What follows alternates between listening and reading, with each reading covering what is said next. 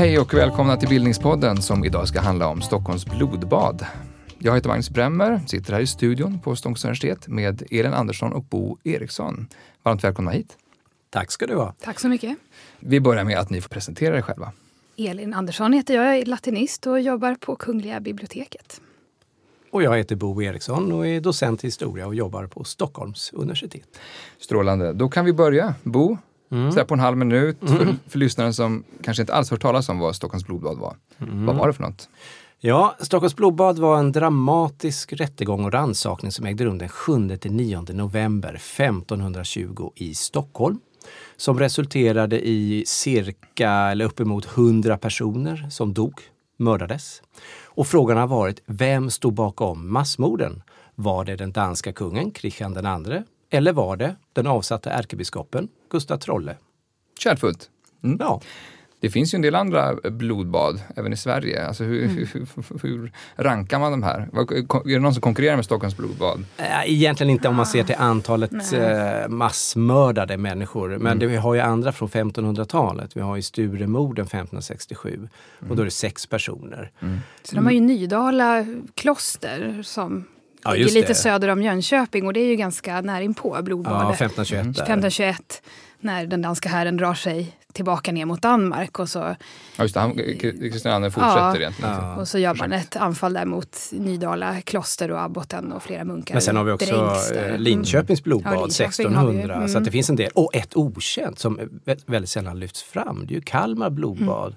1505 eh, eller 6 eller något sånt där. Då är det faktiskt en hel del äh, borgare i Kalmar som får sätta livet till av mm. den danska kungen. Ja. Så det finns en del sådana här blodbad, men Stockholms blodbad skiljer ju ut sig helt klart. Mm. Även sådär europeiskt samtida? Eller? Ja, det tycker jag. Eh, det man kan jämföra med är Bartoloménatten 1572 tycker jag. Och då var det liksom tusentals hugenotter, alltså mm. oliktänkande i Frankrike, som massakrerades av katoliker. Masshysteri. Ja, som, ja, men annars den här, den här digniteten av en rättegång och människor som, som massmördas, det, det ser man inte riktigt på 1500-talet. Mm med sånt brott mod också. Ja, för man måste skilja det här mellan, jag menar i, i krig och så, då är det klart att det har skett massa avrättningar. Men det här är en slags rättegång som pågår. Där man har en kung och en, en domstol som liksom bestämmer sig för ett, ett, utslag. Och sen har man en böde som verkställer det. Och då är hundra personer ganska många. Mm. Mm. Vi kanske ska ta ett litet persongalleri på en gång. Ni har mm. nämnt eh, Kristian II, den danska kungen, eh, Gustav Trolle. Om vi börjar med de två. Vad var det här för personer? Eh, Gustav Trolle var avsatt ärkebiskop. Och han eh, är en väldigt nyckelfigur i detta. Han, eh, under själva festligheterna så är det han som reser sig upp, eller han kanske redan stod det i och för sig, men han, han fram kallar hela den här händelsen genom att ställa en massa festdeltagare eh, inför ett faktum att ni har behandlat mig och kyrkan illa. Och så håller han upp ett dokument som blir då en anklagelseskrift. Och den där mm. skriften som han liksom skriver ner, det är ju det som har gjort honom berömd. Mm. Och Gustav Trolle, han har en lång historia. Eh, han har en far som var väldigt inflytelserik som Sten Sture den yngre avsatte. Sten Sture yngre är också en sån här aktör som inte var med vid blodbadet för då var han död, men det är en viktig förgrundsgestalt. Och han hyste personligt agg gentemot Sten Sture den yngre. Det är ju många sturar här eh, överhuvudtaget. Man pratar om Sturan också, kan du inte säga något mm. kort om vilka det var? Ja, man pratar ju till och med om Sturetiden eh, under den här eh, perioden då. Sten Sture den äldre var riksföreståndare. Han dör 1503. Han tillhör en annan Sture 1 än Sten Sture den yngres Sture 1. De är inte släkt ens. Mm. Sten Sture den yngre dör 1520 i början av eh, februari under striderna mot kung Kristian II. Han är son till Svante Nilsson som också var eh, riksföreståndare som låg i strid med eh, kung Kristian eh, den andre. Mm. Och eh, Kristian II då? Kristian II är en jätteintressant, spännande person på många sätt. Kristian Tyrann blev han känd som efter det här. Ja, han blev ju det. Och det är ju lite otacksamt egentligen. Så tyrannisk var han inte, även om han begick de här dåden mm. i och för sig. Men han hade också en far och den eh, fadern hette Hans och var unionskung. Så han har ärvt liksom den här bördan att vara en unionskung och få bråka med de svenska säga, egensinniga riksråden. Mm. Elin, en fråga om alla såna här historiska händelser är ju lite grann hur vi vet vad vi vet. så att säga. Mm. Vad finns det för källor? Kan du göra någon slags överblick? Ja, det finns ju förstås källor av lite olika slag. Dels dokument från själva händelsen, en, en eh, klagoskrift från Gustav Trolle och eh, en dom som avfattas 8 eh, november i samband, där mm. precis innan, innan blodbadet. Sen går man till några år efter, finns det ju lika så skildringar som är viktiga att ha i åtanke. Dels berättelser som har tillkommit i samband med valet av Gustav Vasa till kung där 1523. Mm. Eh, skrivelser då som, som skildrar blodbadet och då får man ju ha i åtanke att de är tillkomna under en i tiden för Gustav Vasas makttillträde så man får ha liksom, propagandaaspekten också med. Mm. Eh, krönikor, till exempel Olaus Petri, reformatorn, hans berättelse då som är skriven ungefär 20-25 år senare. Mm. Vi har ju också källor i, i eh, Vatikanarkiven och liknande arkiv mm. som har koppling ja, till, till alltså i påven, Rom. alltså ja. i Rom. Mm. Och de eh, handlingarna var okända rätt länge vad jag förstått. De arkiven öppnades ju upp först i början på 1800-talet. Mm. Och eh, man skickade ner arkivarier från Skandinavien för att skriva av och gå igenom. Och där finns det också en del handlingar som, eh, från efterspelet då, där Kristian bland annat då skyller, skyller ifrån sig. Och, Eh, man skickar sändebud från påven till, till Sverige för att reda ut vad som egentligen har hänt. Och sådär. Mm. Mm. Det finns ju också de här visualiseringarna av mm. mordet, så allting ja. är ju inte bara nedskrivna berättelser. Det måste man ju också, blodbadsplanschen till exempel, ja, som väl tillkom på uppdrag av Gustav Vasa. Ja, precis, Men, ja. Vad visar den? Ja, den, det är ju en väldigt målande grym skildring av händelserna där, hur huvudena rullar och så vidare. Men, men originalet finns väl inte kvar utan det är, Nej, det. det. är senare en 1600-tals ett kopparstick som, mm, som tolkar. Som, to, som ja. väl, vid den tiden fanns kanske originalet att mm. man utgick från. Alltså det där, jag tror många, som, eller, många som, som känner till Stockholms blodbad också får de här bilderna av blod som rinner ner längs kullerstenen, mm. skränderna mm. I Gamla stan. Hur, hur vet vi det? ja, Olaus Petri skriver ju om det i alla fall. Ja. Han nämner mm. det i sin krönika att han säger att det är blod och träck rinner ja. där nerför kullerstenen. Och, och, det är ju en väldigt, vad ska jag säga, det är en väldigt talande bild mm. och det var ju så man också ville förmedla de här händelserna. Mm. Det var blod och det var hemskt och det var många människor och danskarna var där och de högg huvudet av på de här människorna. Mm. Och det blev som en, en levande film i folkminnet. Mm. Och sen i våras så var du inblandad i en rätt uppmärksammad sak. En riksnyhet blev det till ja, och med. Ja, absolut. Det var väldigt roligt att det blev sånt genomslag. Mm. Det var ju så att Kungliga biblioteket eh, köpte med, med stöd av olika finansiärer en bok tryckt i början av 1500-talet och den boken hade i sig ett inklistrat blad där Olaus Magnus, den kända historikern, har skrivit några anteckningar om Stockholms blodbad som han var med och bevittnade. Han befann sig där i folkmassan. Och som man inte kände till? Nej, man kände inte till det. Den boken hade funnits närmast hos en privatsamlare. Mm. Perfekt cliffhanger vi får höra sen vad han skrev. ja, det ska vi komma in på nu. Men om man skulle börja förklara varför allt det här hände. Var, eh, var ska man börja? Det kanske, första kanske är att förklara varför Kristian II ansåg sig kunna göra anspråk på Sveriges tron, vilket ju var mm. en bakgrund här. Alltså eh, Christian Turan, eller Kristian den andre, han gör anspråk på Sveriges tron utifrån egentligen två anledningar. Det ena är att han anser sig faktiskt vara en, eh, en vald konung. Alltså hans far Hans var unionskung. Och han menade att om det var nu 1499 eller 98, jag minns inte, eh, då ska han ha valt som efterträdare och mm. därmed har han också rätt till den svenska tronen. Och när du säger unionskung så syftar du på Kalmarunionen? Ja, på Kalmarunionen. Kalmarunionen på 15 sekunder, Bo. Ja, det är 1397 till 1523, en union av Norge, Sverige, Danmark. Mm, och då hade man en kung för då hade man en kung för alla. Mm. Mm. Och Sverige hade ingen.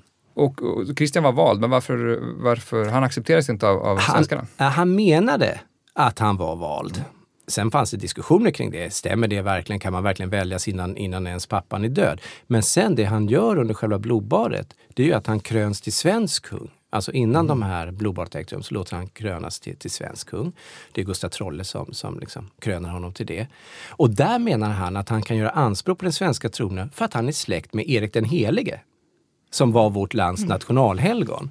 Det finns absolut inga belägg för detta. Men det var ju ett genialt drag, för då verkligen såg han till liksom, att jag är inte bara en vald kung, jag har också ärftlig rätt till den svenska tronen.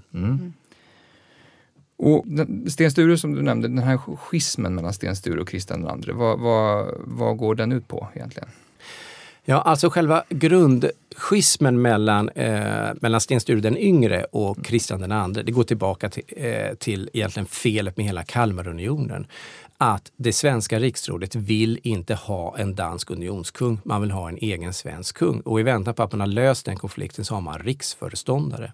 Sten Sture den yngre var en, en väldigt aggressiv riksföreståndare. Han var relativt ny också i ämbetet. 1512 blev han det.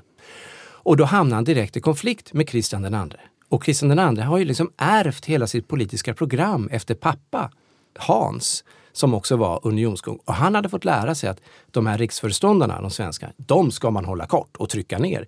Men problemet var att här har vi en Sten Sture den yngre som tyckte precis likadant fast riktat åt den danska kungen. Så det var öppet för militär aktion och stor konflikt. Mm. Det är verkligen en klassisk dansk-svensk eh, historia det här. Ja, det är det.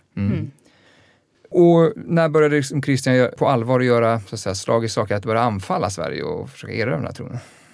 Är inte det mycket efter stäket, händelserna som det...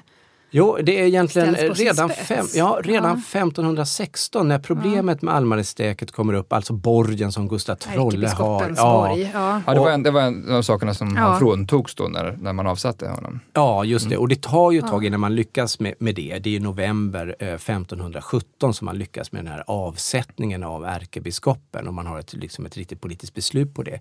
Men den danske kungen sitter i Köpenhamn och följer den här utvecklingen redan 1516. Han följer det med stort intresse för han solidariserar sig med eh, Gustav Trolle, naturligtvis. Ja, kan man också se det som att Gustav Trolle är det perfekta alibit för att få inta Sverige och överta den svenska tronen? Man kan absolut Så kan man nog se det. Ja, ja. Han får ju sin biskopsborg jämnad med marken där. Och en, ett mycket hårt slag. Förutom det också att han blir avsatt och satt i fängelse naturligtvis. Då. Men, Ja, han har några tuffa år i, i, ja, i Västerås. jo, eller? det har han ju. Och, och sen så lyckas han ju utverka att ja, Sten Sture och hans anhängare och hela Sverige väl egentligen också blir satt under så kallat interdikt, påvligt, en form av bannlysning. Ja, alltså den religiösa Ja. världen, om man får säga så generellt, reagerar på Ja. den avsättningen. Det gör de ju, absolut. Mm, det här är ju ett svårt brott mot en högt uppsatt kyrkans man.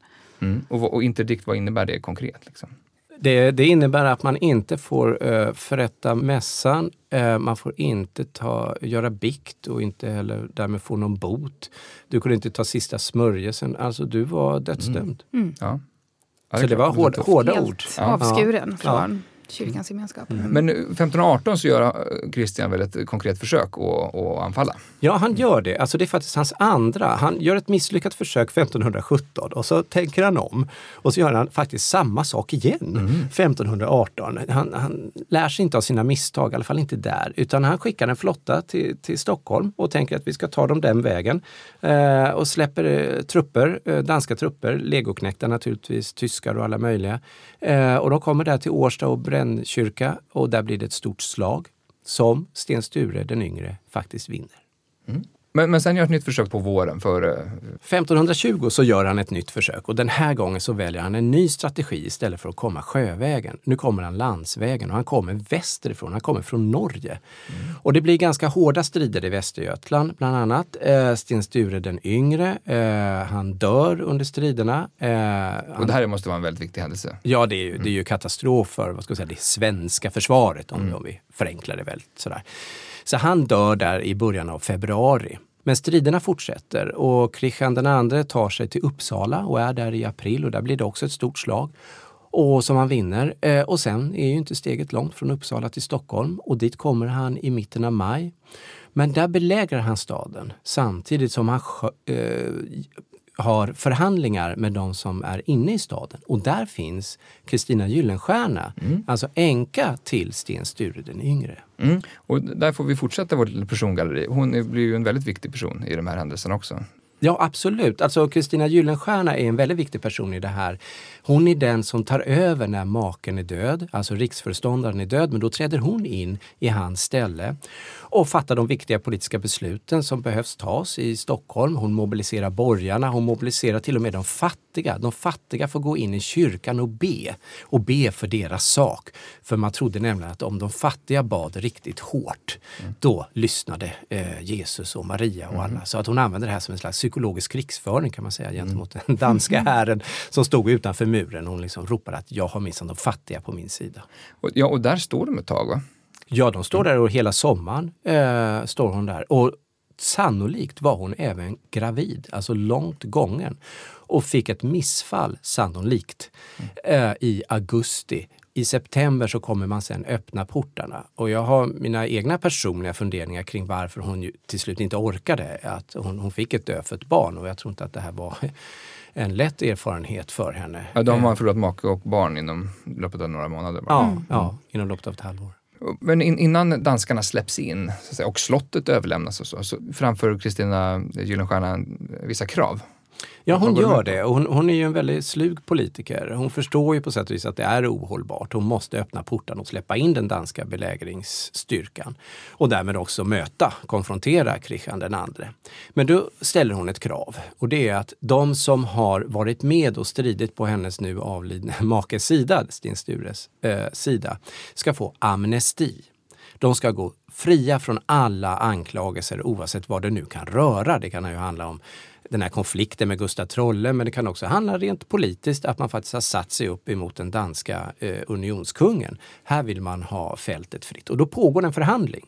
Och i det ligger också ekonomiska termer därför både Kristina Gyllenstierna och de här riksråden som har ställt upp då på, på Sturarnas sida har ju eh, massa förläningar. Och Vad innebär det? Förläningar är eh, gods som de inte äger men som de får låna under sin livstid kan man säga. Mm. Det är egentligen mm. staten som äger dem men staten har liksom förlänat dem, de här länen, så att de har det här som inkomster. Och de ska de få ha kvar? Eller? Ja, det är det Kristina eh, Gyllenstierna tycker är så bra idé, att låt oss ha kvar de här. Mm. och i synnerhet hon då, hon var ju en väldigt förmögen änka, hon vill ha kvar sina och det gäller massa gods i Finland och så. Så att hon för också ekonomiska förhandlingar, inte bara politiska. Så mm. amnesti skulle täcka både politisk frihet och ekonomiskt oberoende. Mm. Och eh, hon får eh, okej okay på alla de här kraven? Hon får grönt ljus. Okej, okay, så när hon väl släpper in Christian och kompani så är hon hyfsat trygg med att uh, saker och ting kommer Hon, hon kände, sig nog, uh, hon kände sig nog väldigt trygg och säker när hon öppnade portarna. I alla fall i det att hennes förhandlingar rörande amnestin hade gått igenom. Den, mm. den verkar vara helt klar. Sen kan hon ju ha haft personlig oro och ångest och allt möjligt kring hennes egen situation. Men det, det är en annan fråga. Mm. Innan vi kommer fram till kröning och rättegång och allt sånt där så, så borde man nämna ytterligare en, en, en, en delhistoria i det här trolledramat. Eh, mm. Eh, något som kallas för sammansvärjningsbrevet. Ja precis och mm. det är ju avfattat i november 1517. Så nästan precis tre år. Och det är när han avsätts? Ja precis och då går rikets råd samman och också borgmästare i Stockholm och man eh, enas om att man inte tänker tåla Gustav Trolle som ärkebiskop längre och eh, att man ska riva stäket, hans mm. borg. Och det är ju det här som blir det komprometterande dokumentet sen då, 1520. Man kan säga att eh, de, här personerna har ju satt sitt namn och sitt sigill på, mm. på det här beslutet. Mm. Och, men, och har de som är med i det här, har skrivit under det här, omfattas de av amnestin som Kristina har förhandlat om? Ja, jag kommer inte ihåg alla detaljer men, men, i amnestin ingår att det inte bara är några utvalda riksråd, eh, liksom den verkliga politiska eliten, utan också eh, namngivna Stockholmsborgare. Så mm. Eh, ja, och de var ju säkert också med på detta, detta brev. Och så naturligtvis man, biskoparna ja. också. Ja, man anar att, något skulle, att det här skulle kunna hållas emot? Eh, ja, man måste tänka att liksom när man avsätter en ärkebiskop och inte bara avsätter honom politiskt utan krossar honom ekonomiskt genom att förstöra mm. hans borg. Alltså det, det är Då som är det ett brott mot kyrkan. Ja, det, det, är inte, mm. bara att kissa i, i katedralen. Du, nej. du, du, och det, det man kallar det för är, är ju, nej, det man kallar det för är uppenbart kätteri trollet. Ja. Kätteri, vi återkommer till det för Ja. det är viktigt i, i Det är rättegången sen. här, ja. Mm. Men visst kommer väl uttrycket brasklapp även från, har att göra med det här sammansvärjningsbrevet?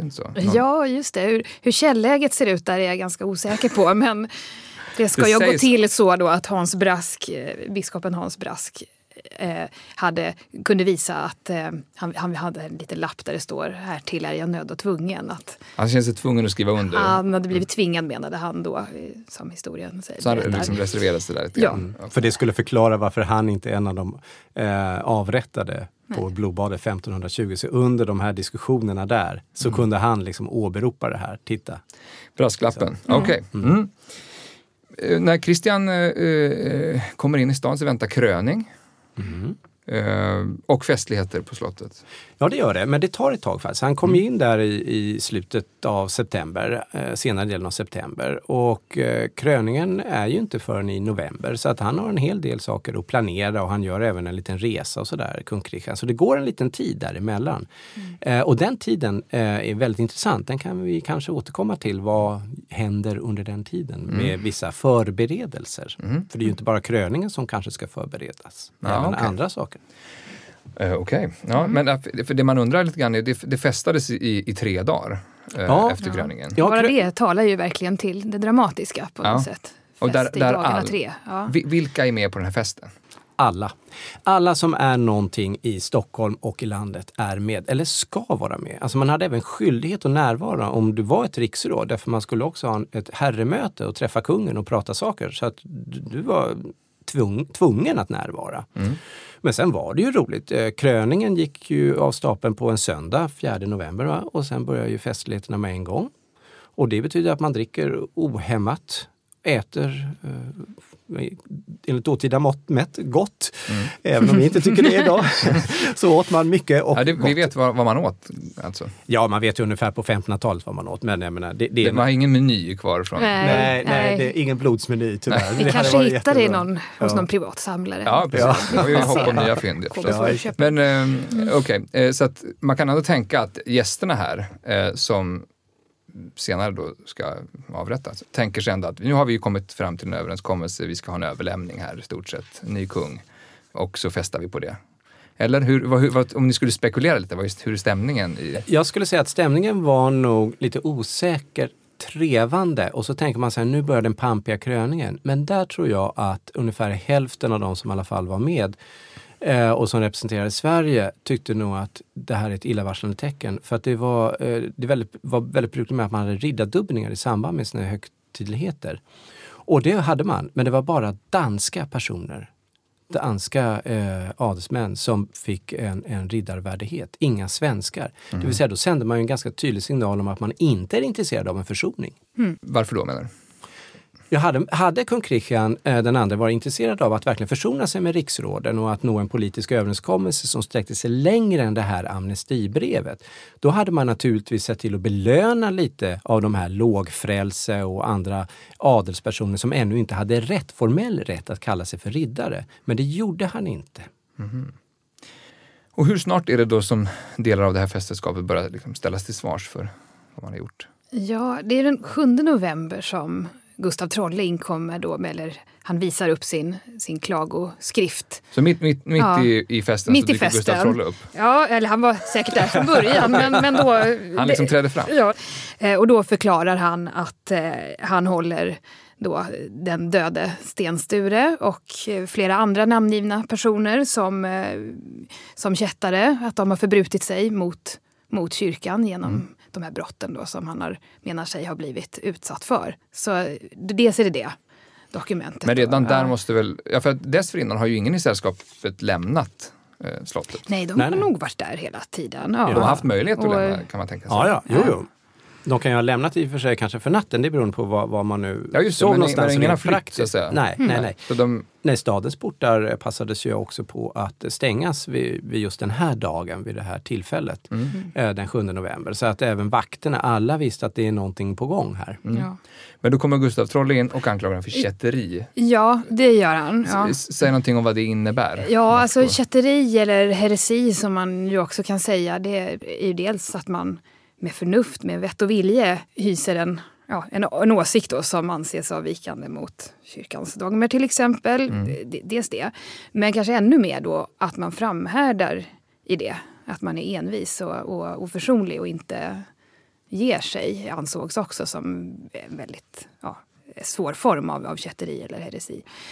Eh, Och i det här specifika sammanhanget, vid den här middagen, Mm. så, så förstår de som anklagas för att det här, det här betyder en dödsdom. Ja, eh, det gör det ju. Det är, det är ju kyrkan som avgör vad som är kätteri, vad, vad som är heresi. Eh, och sen kan kyrkan, eller skulle de, överlämna kättare till den världsliga rätten som, som exekverar straffet.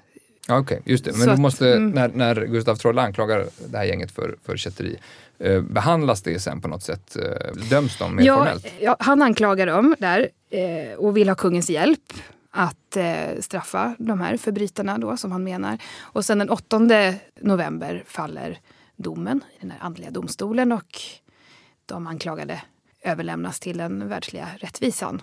Kungen har makt då att bestämma påföljden, vilket blir döden. Och det jag tycker är intressant här när, när Gustav Trolle för fram den här anklagelsen om kätteri och vilket gör det till ett, ett, egentligen ett väldigt genialt drag från hans sida. Eh, och kanske kungens också.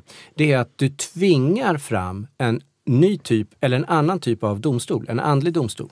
Och i och med att det är ett kätteriärende, ett kyrkligt ärende, då upphör alla såna här politiska löften, typ amnesti, att gälla. Mhm. Så då, liksom hela den här amnestidiskussionen du har haft sedan mitten av, av maj fram till att du öppnade stadens portar, som Kristina Gyllenstierna var så stolt över säkert. Det betyder ingenting. Mm. Och det hon gör är att hon skickar iväg en liten dräng, en liten pojke till henne under när det här pågår. Som får springa till hennes hus och hämta viktiga papper för hon förstår att nu har jag Det är hamnat... dags att skynda sig. Ja, undan, ja, nu är det andra dokument som måste Mm. fram här för att rädda skinnet för att amnestin gäller inte längre. Och som hon visar då. Ja, ja, ja, hon visar upp det. Och jag kan också säga med Gustav Trolle som jag tycker är intressant när man läser hans anklagelseskrift. Han, han åberopar fysiska skador på sig själv och där han säger, vilket, eh, jag kommer inte ihåg ordagrant, men det är vilket synes, alltså vilket ni ser på mig. Han har någon slags defekt eller någon skada som, som de här männen som han anklagar har gjort på honom. Det är en väldigt stark eh, bild. Det, Hela det här blodbadet är väldigt visualiserat egentligen. Vad gör Christian under hela den här tiden? Han sitter och lyssnar och eh, följer naturligtvis detta. Sen eh, är frågan hur mycket visste han och vad är helt nytt? Jag, kan väl, jag tycker redan här, när vi är här, är här inne i den här salen och det pågår. Hade han inte godtagit eh, Gustav Trolles anklagelse så hade han bara sagt släng ut eh, skälmen för jag har en fest här, stör inte. Det gör inte han. Han är tyst i källmaterialet. Det vill säga, då ger han sitt, sitt godkännande åt det som pågår.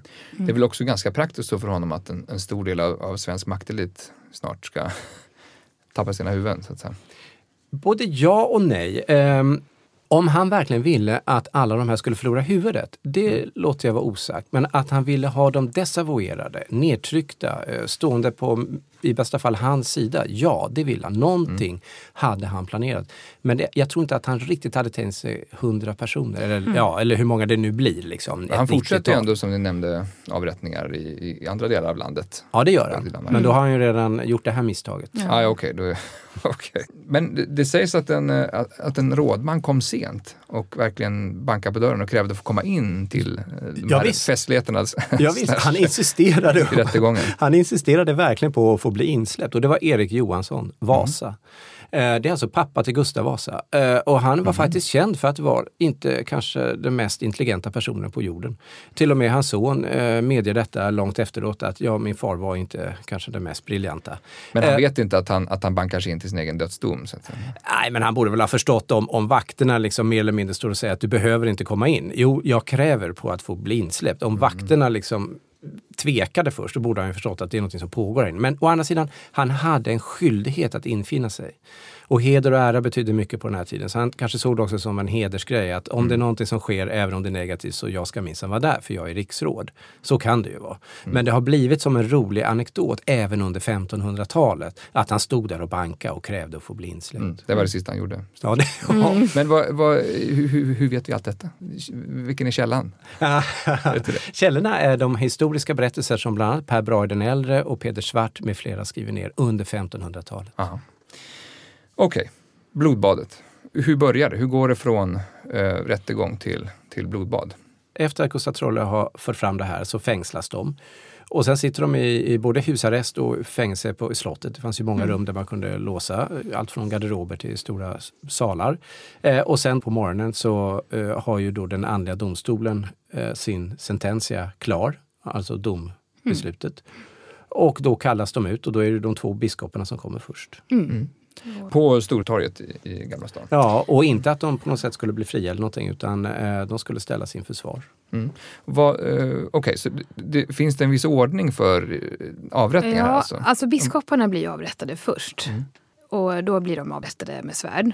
Och de heter Mattias av Strängnäs och Vincent av Skara. Men Eh, är ja. det personerna med eh, störst dignitet och, och, Ja, ja, som, som kommer först? Men också eh, Mm. avrättningsmetoderna skiljer sig åt också? Ja, det gör det. De blir ju som sagt avrättade med svärd. Men Mm. sen är det väl andra som blir avrättade med bödelsyxa och eh, många blir ju hängda också. Så att de, de, Mm. de får det, så att säga, det i, sammanhanget lättare? Ja, Eh, Det var ett privilegium. Det var ett privilegium, Ja, ja. som ja, var visst. kopplat till, till själva Ja. ditt stånd. Till, till, det var ett ståndssamhälle. Var du Mm. frälse, alltså andligt eller världsligt, adel som vi säger, kyrkans män, så var det svärd. Ja. Mm. Sen är det ju också det här med Sten Sture som ju är död och begraven men, men man gräver ju upp hans lik också. Mm. Och eh, ja, bränner det sen. På Södermalm så anlägger man ju en stor, en stor brasa där. Ungefär man, vid Katarina kyrkan? Ja, Mm. just det. Det ska ha varit där. Ja. För att kropparna av de här avrättade personerna ligger ju kvar i en tre dagar. Och sen så bränns de i ett stort bål på Södermalm. Och då där, passar man på- Och där bränner man också Sten Sture. Och det, det där har ju förekommit vid andra tillfällen också. Att man gräver upp en, en person som man bestämt sig för var, var begått grova brott. Och, Mm.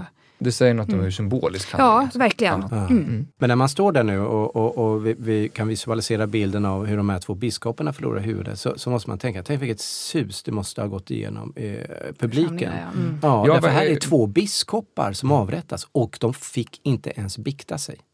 Nej. Utan bikten. Mm. Och det är ju ett svår, Ja, svårt alltså det är inte ens tjänstefel, det, är, det är brott mot Gud. Ja. Kätteriet eller, kanske? Kanske det faktiskt, det är ett nytt sätt att se på det. Ja. Ja, Det verkar ju, det. Men eh, vad vet vi om eh, uppslutningen på, på Stortorget? Den måste ha varit ganska stor därför vi vet att när vi sen kommer till eh, den övriga kategorin av människor som, som avrättades så är det vanligt folk. Till och med sådana som är där och står och tittar. Och det kan inte bara vara så att man tog en liten stackare som stod vid en hörna utan det var säkert fullt med människor. Och jag kan också tänka mig att de faktiskt hade skyldighet att vara närvarande. Man kunde inte gömma sig, eh, i synnerhet inte om du tillhörde det, det finare skiktet i, i Stockholm. Alla måste vara där. Mm. Och här finns det väldigt intressanta scener som utspelar sig. Det, så, så är det helt klart. Folk blir väldigt gripna, de gråter, talar källor om.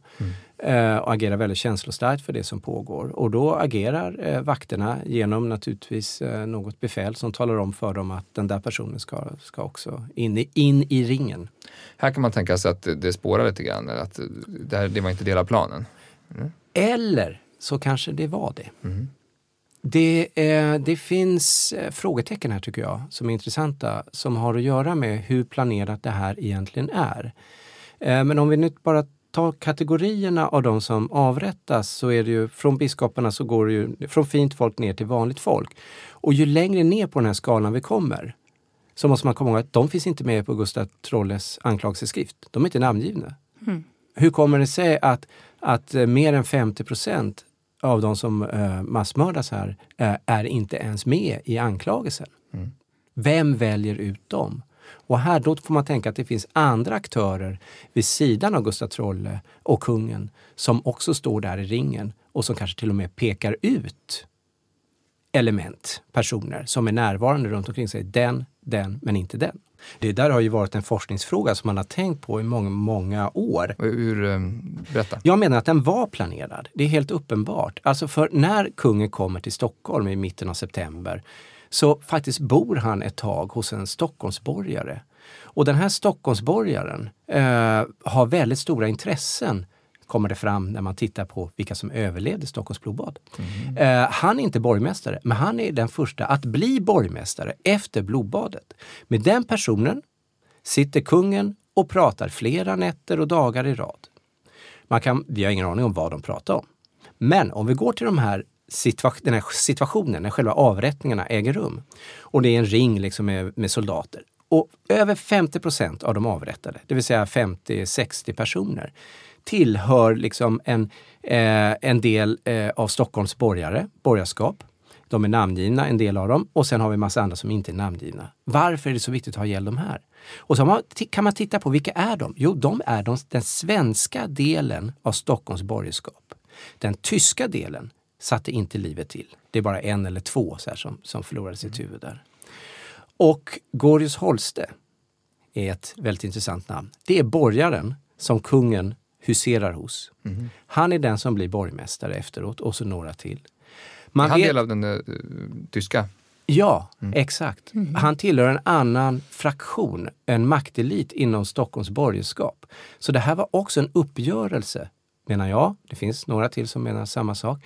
En uppgörelse inom den politiska eliten i Stockholm där kungen såg en chans att, ja visst, jag får av, få bort mina adelsmän. Ni kan passa på att göra en, en utrensning bland de här Stockholmsborgarna.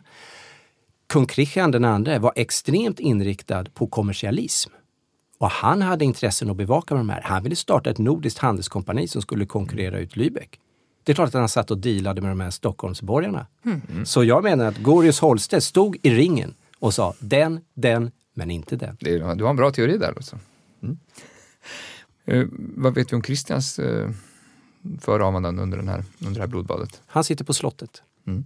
Han är inte ute och visar sig, eh, vilket också då har väckt en del förvåning efteråt när man har försökt förstå det här. Mm. Eh, och då menar jag redan i sin samtid. Varför var han inte med och visade upp sig? Eh, förklarade, de här är skyldiga och nu gör jag så här. Nej, han gömmer sig på slottet. Och han, han får besked om att han har fått barn va? och firar det eh, mm. samma kväll på slottet. Mm. Mm. Ja, det sägs det i alla fall. Mm. För att få en lite mer detaljerad bild av hur liksom, dokumenten kan se ut, kan vi inte plocka upp det där eh, fyndet ja. eh, som du var inblandad i? Eh, mm. vad, eh, hur långt är det?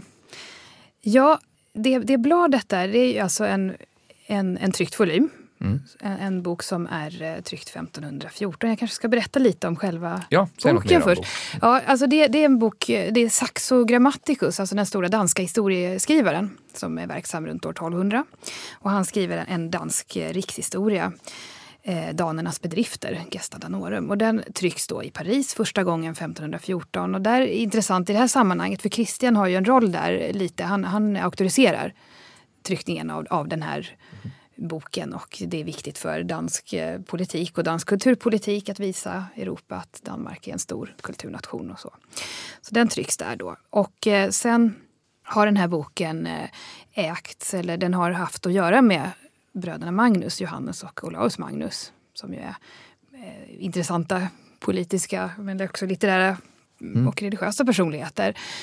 Sveriges sista katolska ärkebiskopar inte minst. Och eh, boken har skänkts via den äldre brodern Johannes till Birgitta herberget i Rom. Som är ett slags konsulat kan man säga för eh, svenskar i Rom. Som har ärenden till, till kurien där, till påvemakten. Eh, Och det har befunnit sig där. Och Olaus Magnus har varit föreståndare för det här Birgitta-huset vid ett par tillfällen. Och sen det som gör boken lite extra spännande då är att han har skrivit ett blad med anteckningar, bland annat om Stockholms blodbad. Och det har klistrats in i den här boken. Han har förmodligen börjat här, skriva på det här bladet någon gång mot slutet av 1530-talet. Mm. Men ja. han, hur, var, varifrån får han sina uppgifter? Kan jo, han är ju ögonvittne, han är ju med. Mm. Han står ju där i folkmassan. Och eh, han beskriver då, det, det är en sida ungefär som han skriver, men, men just det som handlar om blodbadet, det, det är några rader ska jag säga. Och eh, det som gör det lite speciellt är ju att han skriver där väldigt direkt att jag, eh, Olaus Magnus, kanik från Linköping, kanik är en religiös titel då, beskådade allt detta med fasa, säger han. Cum horore omnia vidi. Det ska Han också- skriver på latin. han skriver på latin, precis. Och det ska också sägas att vi vet ju redan att Olaus Magnus var där, därför att det har han skrivit om i sin, sitt stora verk Historia om de nordiska folken. Som man för övrigt låter trycka där i Birgittahuset i Rom på 1550-talet. Eh, han går i, i exil, liksom sin bror då, för att de är katoliker. Och under Gustav Vasa så är inte det så populärt här hemma. Men han befinner sig där. Och eh, han har skrivit om, om Kristian och eh, han har skrivit om blodbadet men då med en helt annan formulering, en mycket högre liksom, stilistisk nivå. Här uttrycker han sig mer oredigerat, lite mer direkt. Mm. Är ögonvittnesskildringar, Ja, det är liksom. verkligen en ögonvittnesskildring. Och just det att det är hans egen hand, det gör ju alltid sådana historiska dokument. Det, det får ju alltid en extra krydda, det kan man inte komma ifrån. Det är hans lilla Ja. anteckning. Ja, när det är hans hand med hans egen ja, penna. Mm. Så. Då får man verkligen en känsla av att det här var någonting, ja, det var ett trauma helt enkelt som satte sig djupt. Vad säger han såg mer? det. Ja, han säger mer, han berättar lite här om att kropparna av de halshuggna låg kvar, säger han, i flera dagar. De fördes ut sen ur Stockholm. Sen så kommer han ut, in lite på, på Christian. Han säger att han drevs ut från Sverige, att han levde landsflykt hos den tysk-romerske kejsaren. Och han nämner lite också om en intressant person som vi inte har nämnt hittills, Didrik Slagek, eller Slaghök som han kallas ibland. Alltså en person som stod Kristian nära. Och eh, förmodligen var med och orkestrerade ganska mycket här kring blodbadet. Det, Alltså han, vad skriver han om? Jo, han säger då att han, eh, han, han lät eh, hänga och bränna honom. Eh, och det gjorde han i, i Köpenhamn 1522. Det intressanta är ju då att Didrik Slagek här, han blir ju först utnämnd till biskop i Skara. Det, det uppstår ju två vakanser här. Två biskopsstolar i Strängnäs och Skara som behöver fyllas. Och då blir Didrik Slagek först utnämnd då till Skara biskop. Och det är han ett tag, men sen blir han faktiskt ärkebiskop i Lund. Och det är han nog bara ett par veckor, ett par månader. För sen så eh, blir han anklagad för högförräderi då, å sin sida. Eh, Christian vill väl ja, skjuta skuldfrågan bort från sig själv. Okej. Lite kanske, får man anta. Och så blir han på ett väldigt grymt sätt och avrättad. Han står där med snaran runt halsen och så ändras det till att han ska bli bränd istället. Så att, eh, mm. Vad, eh, hur hur eh, upptäcktes det här eh, dokumentet? Ja, det är i sig en väldigt intressant historia för att det här kände man ju inte till i några bredare kretsar. Det är alltså inklistrat i den här volymen då som först alltså har funnits där vid Birgittahuset och sen har det vid något tillfälle lämnat Birgittahuset och kommit till ett kloster i Sydfrankrike. Och där har boken funnits vid eh, ja, ett, ett kartusiankloster då som det heter i, i ett antal år. Förmodligen är det där den har blivit ombunden. Och sen har vi franska revolutionen där i slutet på 1700-talet där många kloster stängs och egendomar beslagtas. Och det händer också med det här klostret. Det, det dras in då till staten. Och eh, biblioteket, som var ett stort och praktfullt bibliotek, eh, det blir statlig egendom, eller tillhör staden i alla fall. Och, och det säljs av sen i mitten på 1800-talet. Så säljer man, där ser man att den här boken har dykt upp då vid en försäljning. Men sen vet man ingenting om boken i fråga fram till 1990-talet. Då dyks, dyker det upp igen då, i en auktion i Spanien, tror jag det var. Och sen finns det hos en dansk privatsamlare. Men det är själva boken man är ute efter och inte den här eh, det här Ja, och då är, det här dokumentet har ju hela tiden, det har ju suttit inklistrat i boken. Då. Vi vet ju inte exakt när det har eh, klistrat in Nej, det här okej. på bladet. Men det har ju hängt med rätt länge förmodligen. Och just det att det har funnits hos en privatsamlare gör ju att det har inte nåtts av ja, Mm. forskarnas... Eh, forskarna har inte känt till det här. Och när förstod ni på Kungliga biblioteket Ja, vi fick kännedom om det från eh, antikvariatet då, som senast ägde boken. De köpte dödsboet efter den här Samlaren. privatsamlaren samlaren då. Och eh, de eh, uppmärksammade KB på det och erbjöd KB att köpa volymen då. Mm. Och plötsligt satt ni inför Ja. Magnus eh, Ja, egen skrivning. ja, ja, visst, det var ju, väldigt, det var ju fantastiskt eh, när han kom där, eh, antikvariatssamlaren från, Mm. från Danmark med boken. Mm. Där. Eh, Mm. Om vi, eh, vi tar det från, från eh, slutet av blodbadet. Christian eh, lämnar Stockholm. Eh, hur går det till? Christian eh, lämnar Stockholm. Det finns liksom ingenting mer att göra här, tyckte han. Eh, och ger sig ut på en Eriksgata. Han är ju krönt så nu ska han ju hyllas ute på, på tingen. Och det, det är ju lite märkligt. Han har precis haft en slags massmord i Stockholm på 100 personer och så ska han ändå ut i landet och fira att han har blivit kung. Så här mm. agerar han liksom inte riktigt klokt tycker jag. Men, eh, och han fortsätter ju sin, sin Eriksgata i den, i den tradition han skapade i Stockholm. Så han har ju ihjäl lite folk i både Norrköping och Jönköping och Linköping och sen har vi ju i eh, vad heter det, Ny, ja, Nydala, Nydala som vi nämnde med, lite innan. Mm. Ja, ju några munkar och abboten. Eh, och det verkar ju varit väldigt eh, dramatiskt där med enligt framställningarna som finns ja. om att de de som försöker simma i land där blir eh, nerklubbade. Och, ja exakt, och, och, det verkar också vara så på sätt och vis improviserat. Mm. Mm. Det här är inga rättegångar att tala om. Nej, nej, nej nu har han släppt det, det verkar det framställs som. ju verkligen som något ja. Och det är också de här munkarna som överlever, det är ju de som mm. också myntar termen tyrann. Ja. Att de gör en beskrivning av det som har hänt, att eh, det var inte Kristian Tyrann utan tyrannen, ja. skriver de, mm. som gjorde det och det. Liksom. Hur snart börjar sen upproren mot Kristian och säga, hans Jo men det börjar faktiskt ganska, ganska tätt inpå. Uh, jag menar man får ju snart höra nyheterna om vad som har hänt. Uh, men då är det mer städernas borgare som liksom stänger sina portar och förstår att det, är en ganska otrevlig sak som är på gång här. Och, och kung Kristian avbryter också sin Eriksgata sen och beger sig till Danmark. Men Bönderna gör uppror, men de gör inte uppror för det som har hänt i Stockholm. Eh, de känner ingen solidaritet så om de ens eh, liksom var intresserade av den nyheten. Utan det var att kung Kristian hade gått ut med, med nya direktiv om att man skulle ta ut extra hårda skatter samt eh, att han förbjöd allmogen att bära vapen. Och då tyckte man att nu får det vara nog, så då mm. gjorde liksom allmogen uppror. Men sen, det är den ena fronten kan man säga. Den andra fronten som växer parallellt med det här, det är ju eh, Gustav Vasas insatser i Dalarna. Ja. När han får dalfolket med sig på sin sida. Just och det är ju en mer politiskt riktad aktion. Och det är ju den som sen kommer leda fram till någonting. Mm. Böndernas uppror liksom kvävs och tystas som det alltid har gjort mm. i, i historien. Men kort, kort om när Gustav Vasa kommer in i bilden. Mm. Ja, Gustav Vasa kommer ju in där 1521 eh, och han åker till Dalarna därför att han vet att sturarna har sitt eh, gamla politiska kapital här. Dalfolket har alltid ställt upp på sturarna och han appellerar till det. Han framställer sig själv som en sturarnas man, en sturarnas arvtagare och berättar vad som har hänt i Stockholm. Eh, och då får han med sig dalfolket och sen blir det ju då en maktkamp och det blir, utbryter ju krig som slutar ju med att eh, Gustav Vasa eh, blir kung 1523 och kröns, eller blir kung den 6 juni 1523. Mm. Och där någonstans han åkte, åkte ett Vasalopp? Ja, däremellan han åkte Vasalopp. Mm, ja, I alla fall en del av det. En del av det. Ja, och han gick säkert större delen. Ja, ja. ja. ja. Men det var snö? Ja, ja det var snö. Mycket snö var det. Mm.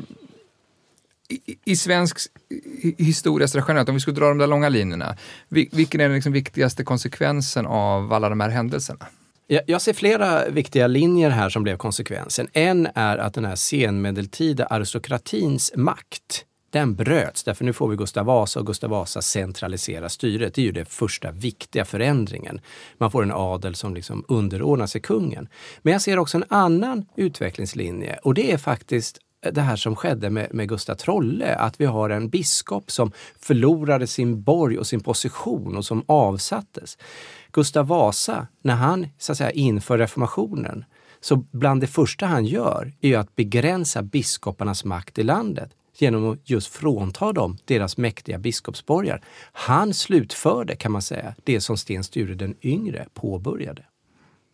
Men på, på ett mycket mer genomgripande sätt? Eller? Ja, han använder sig av andra maktmetoder eh, kopplat till att han nu var kung och att vi har skulder vi ska betala tillbaka till Lübeck och vi behöver skatt skatter och för att kunna genomföra detta så måste vi beskatta eh, kyrkan och kyrkan måste underordnas eh, staten, i alla fall på lång sikt. Men då kan vi inte ha biskopar som står i vägen för detta och så bryter man deras makt. Man förbjuder de här mäktiga biskopsborgarna och deras följen. En biskop får inte ha de här liksom 300 riddare till sitt följe mm. som typ Gustav mm. Trolle hade. Mm. Mm.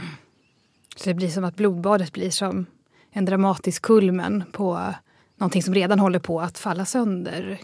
Ja, verkligen, ja. jag skulle säga precis. Alltså mm. Dels så har vi ju själva unionen som är ett, ett bygge som verkligen har krackelerat allt sedan det skapades 1397. Eh, och, och, nu liksom bara, bara faller det i bitar hela det här fuskbygget kan man säga.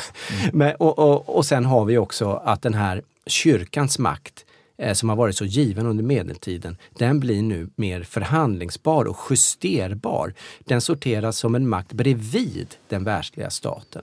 Tidigare hade man en lära om de två makterna, den andliga och den världsliga, där den världsliga var underordnad den andliga. Det var medeltidens samhällsbild, i alla fall så som kyrkan lärde ut den, Gustav Trolle. Mm. Men en generation senare så är det tvärtom. Det ser helt mm. annorlunda ut. Ja. Ja. Han var väl rätt hård, Gustav Vasa var rätt hård mot kyrkan eh, under hela sin regeringstid. Ja, det var han. Ja, minst sagt. Oh, ja. Mm. Rakt igenom. Mm. Spännande. Om någon lyssnare vill eh, fördjupa sig ännu mer i, i, i den här historien, har ni något, eh, något tips vad man kan läsa? Eller? Ja, alltså den här, det här eh, Olaus Magnus anteckningar som vi mm. pratade om, de kan man ju titta på på webben. Mm. Hela den boken är ju digitaliserad och bladet ligger där. Ja, Så vi lägger en länk på vår hemsida. Ja, toppen. Mm. Bo? Ja, jag tycker eh, om man är intresserad av blodbadet speciellt så tycker jag Lars Eriksson Wolkes bok Blodbadet. Mm. Den är väldigt bra. Och så Sveriges historia, eh, Norstedts eh, band 3 då, som också behandlar eh, blodbadet. De två kan man börja med. Mm. Strålande! Tusen tack Elin Andersson och Bo Eriksson för att ni vill vara med i Bildningspodden. Tack så mycket. Tack ska du ha. Tack ni som har lyssnat. Vi är tillbaka igen om ett par veckor. Eh, passa på att lyssna på gamla avsnitt. Ni kan också skicka ett eh, mejl till bildningspodden su.se med nyhetsbrev i titeln så får ni mer info om våra program. Tack och hej! Du har lyssnat på Bildningspodden, en podcast från humanistiska fakulteten vid Stockholms universitet. Podden spelas in på Språkstudion och tekniker är Kristin Eriksdotter Nordgren.